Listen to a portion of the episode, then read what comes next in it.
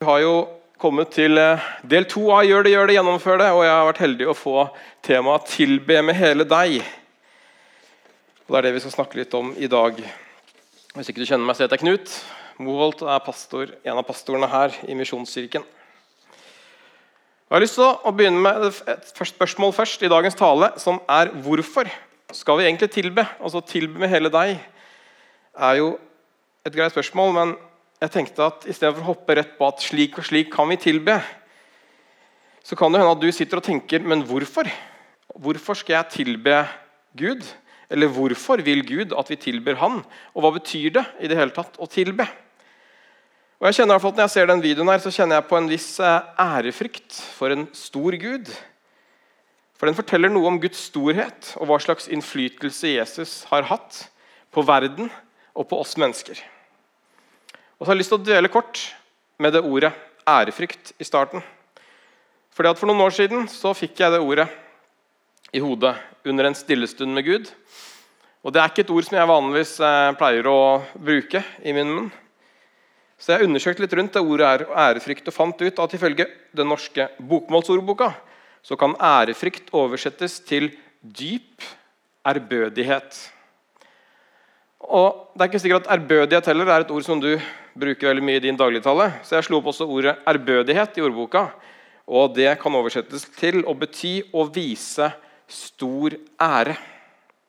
Så ordet ærefrykt betyr da å vise noen stor ære på en dyp måte.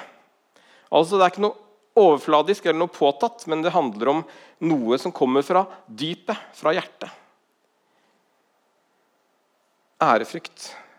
Å vise noen stor ære på en dyp måte.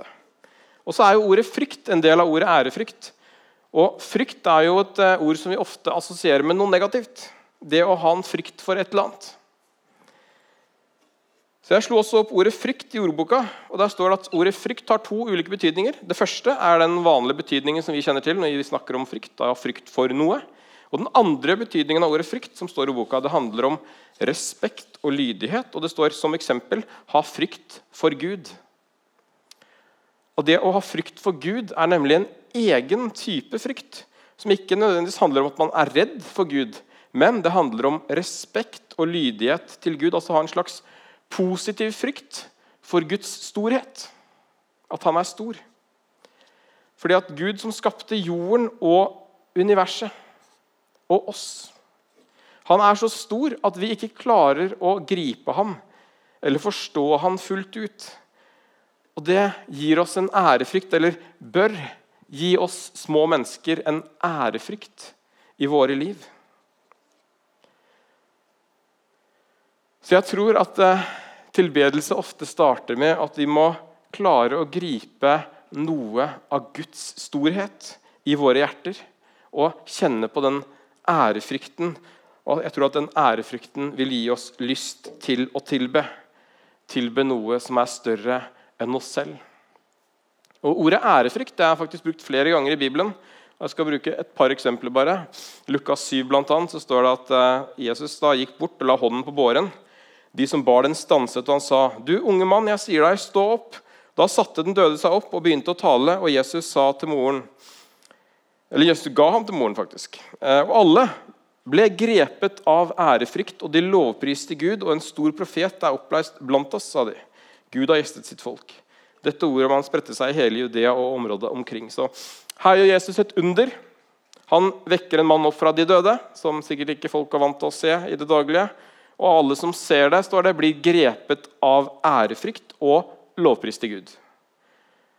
Og Jeg tror at vi vil kjenne på ærefrykt i våre liv når Gud rører oss, eller griper inn i våre liv, eller gjør noe stort i våre omgivelser som vi kan se Gud gjør noe som vi kanskje ikke hadde forventa. Da tror jeg ofte vi vil kjenne på ærefrykt. Og hva er da ofte konsekvensen av å kjenne på ærefrykt? Jo, som det står her, man får lyst til å lovprise, tilbe. Så de ble grepet av ærefrykt og lovpriste Gud.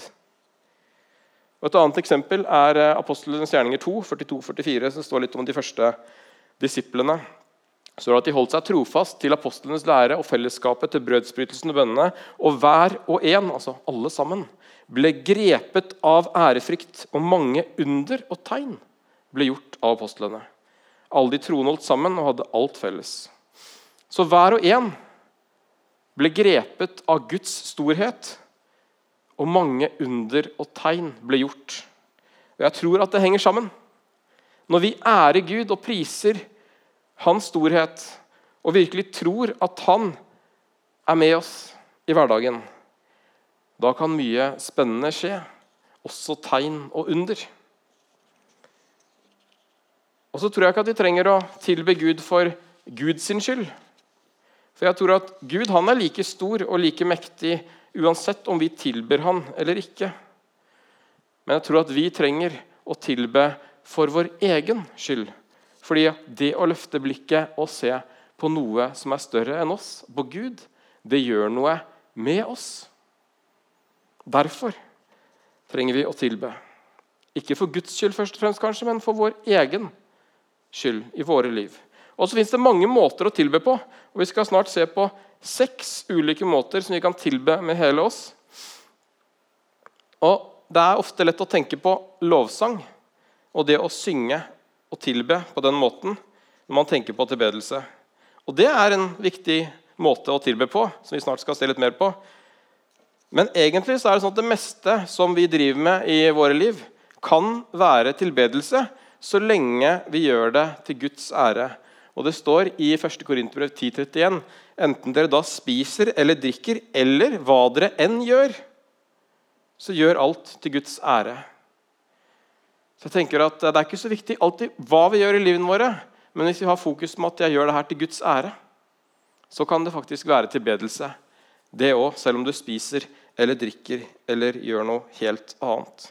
Så tilbedelse kan være alt egentlig som vi putter inn i livene våre, så lenge vi gjør det til Guds ære.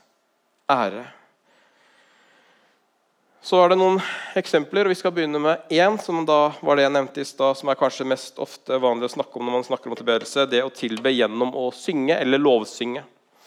Og En kjent lovsangsleder som heter eh, Peter Sandvold, han har sagt det her om lovsang, at lovsang synger vi for å opphøye Guds navn og Jesus Kristus. Vår lovsang er et ekko av den himmelske lovsang, og på mange måter kan vi kalle lovsang for hjertets sang. Fra vårt hjerte til Guds hjerte. Og så har han sagt at Gud føder noe i vårt hjerte når vi lovsynger Han. Og Det syns jeg er fint sagt. Så Lovsang er en sang fra vårt hjerte og til Guds hjerte. Det handler om intimitet. Det handler om nærhet. Nærhet med Gud. Og tilbedelse gjennom lovsang er altså en dyp form for intimitet som hjelper oss å komme nærmere Gud, skaperen. Og Lovsang handler ikke først og fremst om at vi skal få noe. Og Jeg har ofte sagt det selv at i, i dag fikk jeg mye ut av lovsangen, eller i dag ga ikke lovsangen meg noe spesielt. Men lovsang er å gi Gud all ære og opphøye hans navn på jorden. Men så er det jo selvsagt sånn at når vi priser Gud, har fokus på han, lovpriser han, så vil vi ofte bli velsigna tilbake. For lovprisningen og fokuset gjør det lettere også for Gud å tale til oss og røre ved oss fordi vi har fokuset på ham. Så Derfor vil vi kanskje ofte kjenne at lovsangen ja, den gir oss noe likevel. Men det er ikke det som er fokuset. Fokuset må være at vi vil gi Gud ære og løfte hans navn opp. Og Så er det kraft i tilbedelsen, og den gjør noe med oss så lenge den er ekte og kommer fra hjertet. Så Den mest kjente formen for tilbedelse det er nok kanskje sangen. Og Derfor så synger vi på hvert møte her på Touchpoint. Vi har lyst til å legge til rette for tilbedelsen og for ærefrykten, fordi vi trenger det som mennesker. Så når vi skal synge mer etterpå, syng med fra hjerte til hjerte. Og punkt to vi kan tilbe også gjennom å gi av det vi har. Å gi av det vi eier til Gud som et offer er også tilbedelse. Og Det står noen bibelvers om givertjeneste i 2. Korinterbrev, vers 9-11-12. Dere skal ha rikelig av alt, så dere gjerne vil gi. Og så skal takken stige opp til Gud når vi overbringer gaven. For denne tjenesten, denne gudstjenesten er ikke bare en hjelp for de hellige i deres nød, den skaper også en overflod av takk til Gud. En form for tilbedelse er å gi av det som er vårt, og forvalte det skapte på en god måte. Det er å gi ære til skaperen. Så Når vi forvalter det som Gud har gitt oss, så ærer vi Gud. Og Det trenger ikke bare være penger når vi snakker om å gi, men det kan være å gi av det vi eier, av våre materielle ting, av våre goder og av mange ulike ting, egentlig. Og når vi gir av et villig hjerte, så tror jeg også at vi gir Gud større rom her inne. Og så ærer vi Han som har skapt oss, og som har bedt oss om å gi. Derfor er det også ofte mulig å være med og gi på touchpoint. Slik som vi også kan få lov til å være med og tilbe på denne måten. Og Touchpoint ønsker også givere som gir fast, også av økonomi. For vi trenger det for å drive Touchpoint. Og Da er det mulig en sånn lappe ligger rundt i salen her eller ute, hvor du kan fylle inn jeg har lyst til å gi så og så mye penger i måneden til Touchpoint. Noen kroner her noen kroner der, eksempel. Og gå inn på en fastgivertjeneste, som vi anbefaler. Så kan du fylle ut den lappen.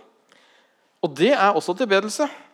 I det vi viser at det er ikke pengene som har makt over meg, det er jeg som styrer mine penger. Og nå har jeg lyst til å velsigne og gi. Så er det også tilbedelse når vi gir til noe som er større enn oss selv. Og ikke bare bruker pengene på oss selv. Så jeg tror på givertjeneste. Jeg tror på å legge til rette for det. Ikke bare fordi at det kommer touchpoint til gode, men fordi det kommer oss selv til gode. Fordi det gjør oss noe med oss når vi gir. Noe positivt. Så vær med og syng på touchpoint. Vær med å gi. Og vi kan også tilbe punkt tre gjennom å be. Og Bønn er selvfølgelig en viktig måte å tilbe på hvis vi skal tilbe med hele oss. Fordi at Når vi priser Gud for den han er, når vi takker Gud for det han har gjort, så tilber vi Gud. Det å be Gud, la din vilje skje, er et av de mektigste tilbedelsesutsagnene vi kan si. Gud, la din vilje skje. Jesus ba til sin far og ønsket også at vi skulle ha en åpen linje til far. Og bønn er tilbedelse. Gjennom bønnen viser jo at vi tror på Gud, at vi forventer, at vi stoler på Gud, at vi forventer at han skal svare. Og så ærer vi Gud når vi kommer til Han med det som ligger på vårt hjerte. Og det at Gud svarer på bønner, gir oss jo selvfølgelig en større tro på ham. Så Det blir ofte en sånn god sirkel òg hvis vi ber.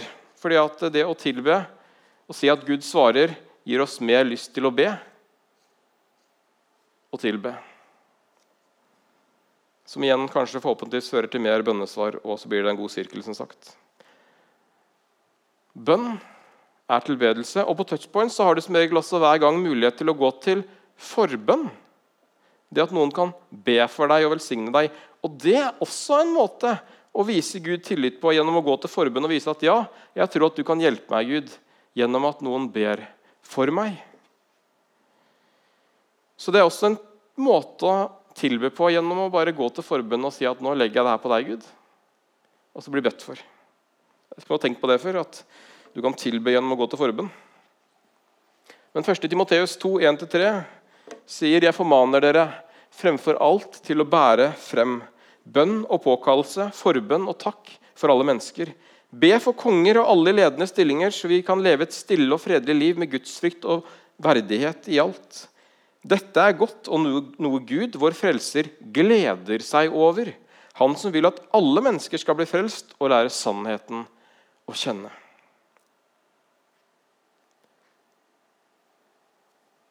Å be er godt, og det er noe Gud gleder seg over.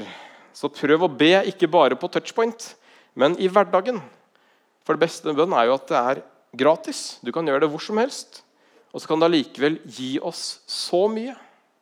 Og Det trenger ikke være avanserte bønner, men det kan være å takke Gud for dagen, for mulighetene eller for det som ligger foran. Eller dagen i dag. Ta han med inn i de tingene du møter. Og det er også tilbedelse på høyt nivå. Punkt fire du kan tilbe gjennom å lese i Bibelen eller studere Guds ord.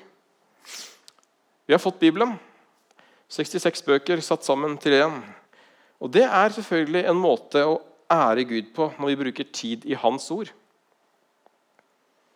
Jeg tror også at det å lese Bibelen på linje med bønn er noe som kan gi oss mye mer enn vi håper og tror. Og det å få et rett bibelvers i rett tid i livet er utrolig trosstyrkende. Eller du kan lese den og merke at det her går rett i hjertet mitt. Så jeg tror det er viktig at vi tar til oss fra Guds ord. Og dessverre viser statistikk fra 2014 at to av fem aktive frikirkelige kristne sjeldent eller aldri leser i Bibelen. Og Der tenker jeg at der har vi noe å gå på. Og Hvis du sliter med å sette deg ned og lese, så skaff deg en uh, lydbok. Hør på den iblant. Det var En i cellegruppa mi som uh, sa det. Han hadde kjøpt seg Bibelen på lydbok, og når han kjørte bil, og sånne ting, så hørte han på Bibelen på lydbok. Eller du kan laste ned Bibel på app og få daglige bibelvers på telefonen. Og Det er mange muligheter til å ta til seg av Guds ord. Men det er veldig mange som opplever at når man bruker tid med Guds ord, så gjør det noe med oss også. Og Hebrebrevet 4,12. Der står det at Guds ord er levende og virkekraftig og skarpere enn noe tveget sverd. Bibelen er en levende bok. Det er en bok som er virkekraftig, og som kan bety en forandring i menneskers liv. Og det tror jeg på. Det gjør noe med oss å ta til oss fra en levende og virkekraftig bok. Så ikke vær redd for i 2019 å finne fram en bibel og bla i den og ta til deg av det som står der. Og Hver touchpoint så har vi også en tale som en del av det som skjer her. Talen tar som regel utgangspunkt i ett eller flere bibelvers fra Bibelen. Nettopp fordi vi tror at Guds ord er noe som alle mennesker trenger.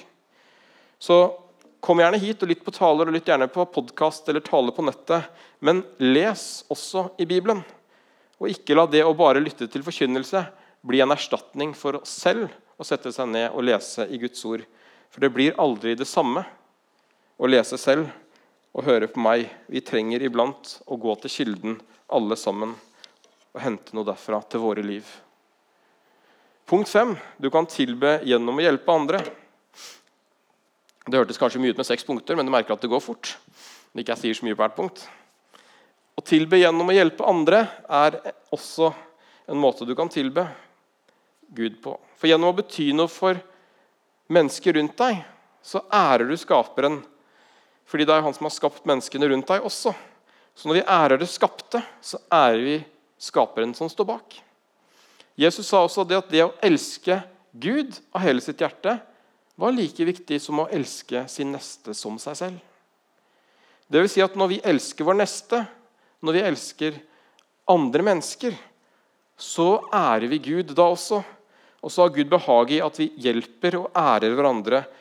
Ikke bare de som er gode, men alle mennesker.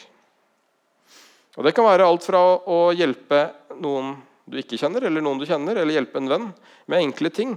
Og På lørdag så var det jo mye snø, som dere sikkert har merka. Da kom det mye snø. Og jeg sliter litt med en vond skulder om dagen. Så det var litt vanskelig for meg å stå der ute og måke. Og da kom naboen med snøfreseren og fresa bort all snøen. Og det var en enkel ting, men som betydde allikevel mye for meg. Og enkle ting kan ofte bety mye for mennesker rundt oss. Og så er det sånn at når vi gjør noe for andre, så tror jeg at det også gjør noe med oss. Og så trenger vi alle å kjenne på den følelsen at de kan få lov til å bidra og hjelpe til og bety noe og bety en forandring for andre.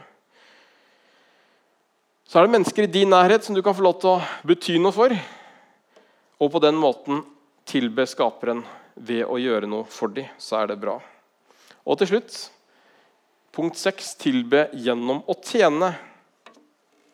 Det er en del som er med her på Touchpoint som medarbeidere og bruker sine gaver og talenter til møteledelse, lovsang, teknisk styre, lyd, lys, bilde, møteverter, kafé. Det er mange måter å tjene på i Touchpoint og i menigheten her, eller på andre måter i Guds rike. For det at Gud har gitt oss alle gaver og talenter. Og når vi bruker de som vi har fått, så ærer vi Gud, fordi det er han som har gitt oss de gavene. Og I Matteus 25 så kan man lese lignelsen om talentene. Og Jesus han forteller der om en mann som skal reise vekk. og Han deler ut til tre mennesker. så deler han ut Fem talenter til en mann, to talenter til en annen mann, og så deler han ut én talent til den tredje. Og Så reiser han bort og så kommer han tilbake igjen og så sjekker han hvordan er det her gått. Og De to som hadde fått fem og to talenter, de hadde doblet. Godt investert de talentene og doblet det. De talentene var altså noe penger eh, som de fikk dobla. Mens han som hadde fått én talent, han var litt redd for å miste den, eller et eller annet, så han gikk og gravde den ned på et trygt sted og brukte den ikke. Så når Herren kommer tilbake, så til de som har fått doblet sine talenter, beløp, til ti og fire, så sier han til de to.: Bra, du gode og tro tjener. Du har vært tro i lite. Jeg vil sette deg over mye. Kom inn til gleden hos din herre. Men til han som gravde ned sin ene talent, så sier han at han skal tas fra den ene talenten og gis til han som hadde ti talenter. Så han ble fratatt selv det han, ene han hadde, fordi han ikke brukte talenten. Han bare gjemte den unna. Og Du må gjerne lese historien sjøl i Matteus 25. Men alle mennesker har fått ulike talenter. Og Nå snakker jeg ikke om penger, men om det å ha et talent, som i, for i Norske Talenter. Kanskje litt dårlig sammenligning, for de gjør ofte litt rare ting. Men uh, talent i noe, da. Uh, og Ordet talent da, ordet talent i den norske bokmålsordboka stammer fra Matteus 25 i Bibelen og lignelsen om talentene. Det er der ordet talent kommer fra. Og Jesus oppmuntrer oss til å bruke våre talenter, våre nådegaver, våre gaver som vi har fått, til å tjene Hans rike med. Og Når vi da selvfølgelig bruker våre gaver, så er det tilbedelse. For de har fått de gavene fra han, og vi ærer han tilbake og sier ja, jeg har fått noe som jeg har lyst til å bruke, og ære ditt navn ved å bruke. Og så Akkurat som de andre ting, måtene jeg har sagt vi kan tilby på, så er det samme med det her med å tjene. så tror jeg at det også vil gi oss noe selv.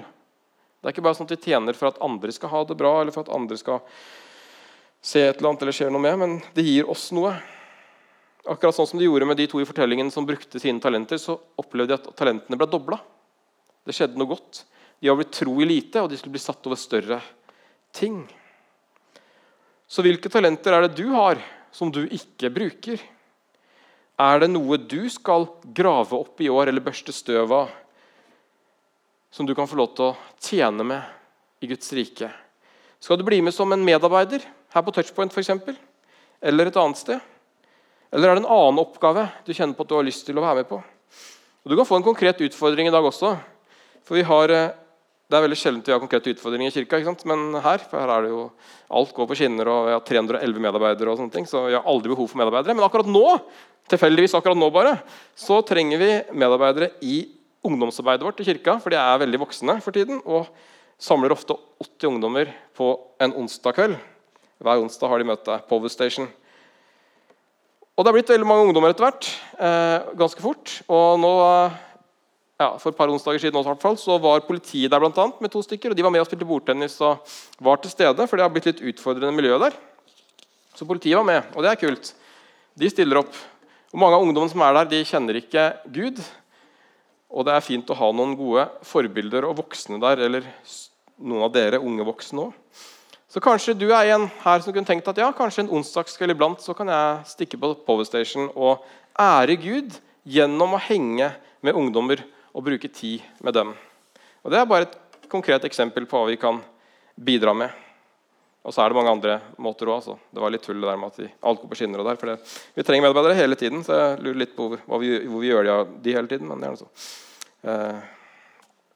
Men det kan være ting du brenner for, som du kjenner at det her har jeg lyst til å gjøre, eller det her har jeg tenkt på lenge. Kanskje det er på tide nå i dette året å ta steget og tenke at nå skal jeg få gjort noe med det. Nå skal jeg ja, ta kontakt og få brukt det. Og Hvis du tenkte på det i stad, ja, det kunne vært noe, så ta gjerne kontakt med meg etterpå. så snakker vi om det. Men det å gjøre noe, det å være med å tjene, det å bruke sine talenter, det hjelper oss å løfte blikket. Og det gjør noe i vår relasjon til Gud. For har vi en tjeneste, så blir vi også mer avhengig av Han. Så det er på en måte en god måte å tilbe på gjennom å ære Gud, gjennom å være avhengig av Han, gjennom å tjene med det vi har. Så det var seks måter vi kan tilbe på. Ja, de sto der faktisk allerede. Det er jo fint. Eh, gjennom å synge, gi, be, lese Bibelen, hjelpe andre og tjene. Og Det er jo mange andre måter vi kan tilby på. for det sto i sted, vi kan, vi kan tilby Gud, vi kan ære Gud gjennom å spise og drikke om hva vi enn gjør. egentlig. Men her var seks konkrete utfordringer. Så jeg håper at du tenker at ja, i år skal jeg gjøre det, gjøre det, gjennomføre det i forhold til tilbedelse på en eller flere av disse måtene. Så hvorfor er det viktig å tilbe Gud? Jo, fordi om det ikke er Gud vi tilber, så tilber vi garantert noe annet. Mennesker er skapt til å tilbe, og det vi har i hjertet, er ofte det vi tilber. Og Hvis det ikke er Gud vi tilber, så kan det være mange andre ting, som eh, makt, penger, sex, statusjag og veldig, veldig mange andre ting som ikke nødvendigvis er bra for oss. Men det er det vi fyller hjertet med. Og Romerbrevet 1, 19-22 har noen ganske sterke vers om det temaet. her, for Der står det at det en kan vite om Gud, det ligger åpent foran dem. Gud har selv lagt det åpent frem. Hans usynlige vesen, både hans evige kraft og hans guddommelighet, har de fra verdens skapelse av kunnet se og erkjenne av hans gjerninger. Derfor har de ingen unnskyldning. De kjente Gud, men likevel lovpriste og takket ham ikke som Gud. Med sine tanker endte de i tomhet, og deres uforstandige hjerter ble formørket. De påsto at de var kloke, men de endte i dårskap. Og Her er det ganske harde ord fra Paulus, som har skrevet dette brevet. Han skriver at de har ingen unnskyldning. De kjente Gud, men likevel, likevel lovpriste og takket ham ikke som Gud. De kjente Gud, men tilba han ikke. De tilba andre ting i verden som de satte mer pris på, kanskje.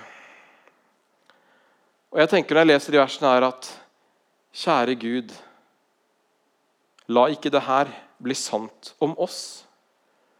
At vi kjenner Gud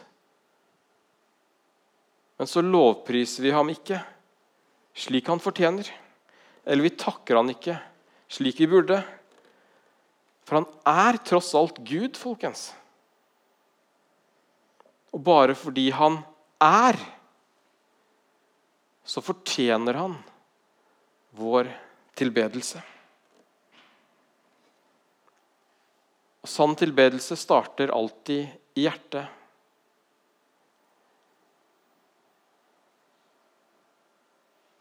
Og Det betyr at det må begynne med at vi har et ønske i vårt hjerte om å tilbe Gud. Så spørsmålet i dag mot slutten er Har du ærefrykt for Gud? Eller er du din egen konge? For jeg tror at Det er en av de største utfordringene i forhold til ordet ærefrykt i dag. Det å og det å løfte opp Gud og hans storhet er det at verden løfter opp mennesket som det store, og Gud gjøres mindre og mindre relevant. Og så har vi fokus på oss selv. Og så var det noen mennesker på, på Jesus sin tid også som fokuserte mye på seg selv, og de ble ofte kalt for fariseere.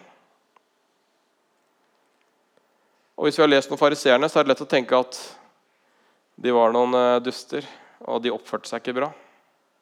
Og Jesus advarte mot fariseerne. Ikke se på de, sa han.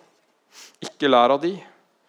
Og så tenker jeg at Dessverre så er vi kanskje litt mer lik dem enn vi noen ganger tenker og tror og håper. Og Jeg kjenner på det sjøl iblant òg. Det er lett å tenke at eh, relasjonen vår til Gud er grei. Men det er ikke sikkert at den er det likevel. For Fariseerne var religiøse. De var gode på å følge lovene, og de fasta og de ba regelmessig. De gikk i tempelet, og de ga tienden. Allikevel så fordømte Jesus de. Fordi at livet de levde, handlet om å rettferdiggjøre seg selv. Det handlet ikke om å ære Gud, men det handlet om å skaffe seg selv status, posisjoner makt. De så ikke på Gud i ærefrykt, men de ville at andre mennesker skulle ha ærefrykt for dem. De brukte seg selv som speil, ikke for å reflektere hvem Gud er, men for å vise seg selv fram. Og nettopp for å ikke komme dit hvor vi bare har fokus på oss selv og ønsker å komme i posisjoner eller få makt eller alle disse tingene, så trenger vi å tilbe. Og Jeg fant noen tanker på Internett om tilbedelse som jeg syns var fine. Hvor det er en som skriver at 'jeg trenger å tilbe'.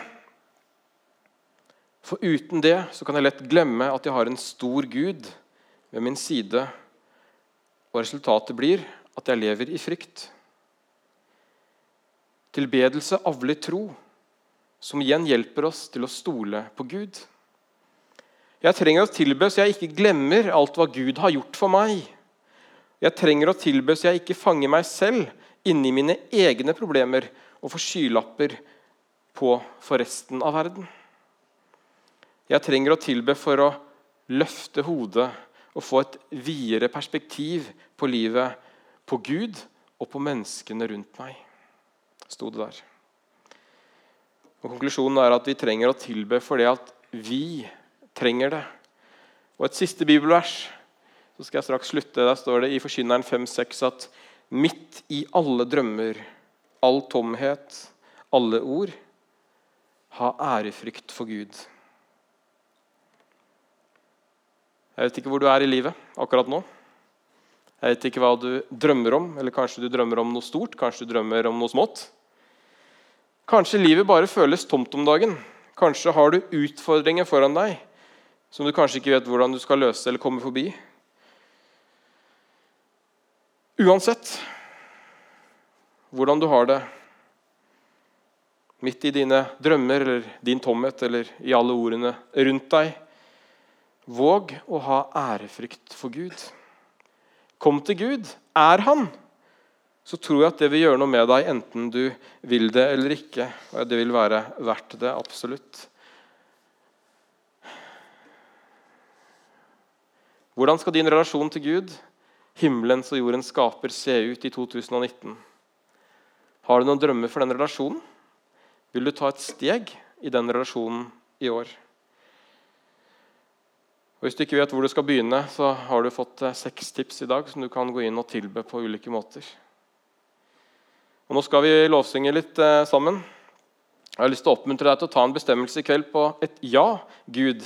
Jeg vil tilbe deg i år med hele meg.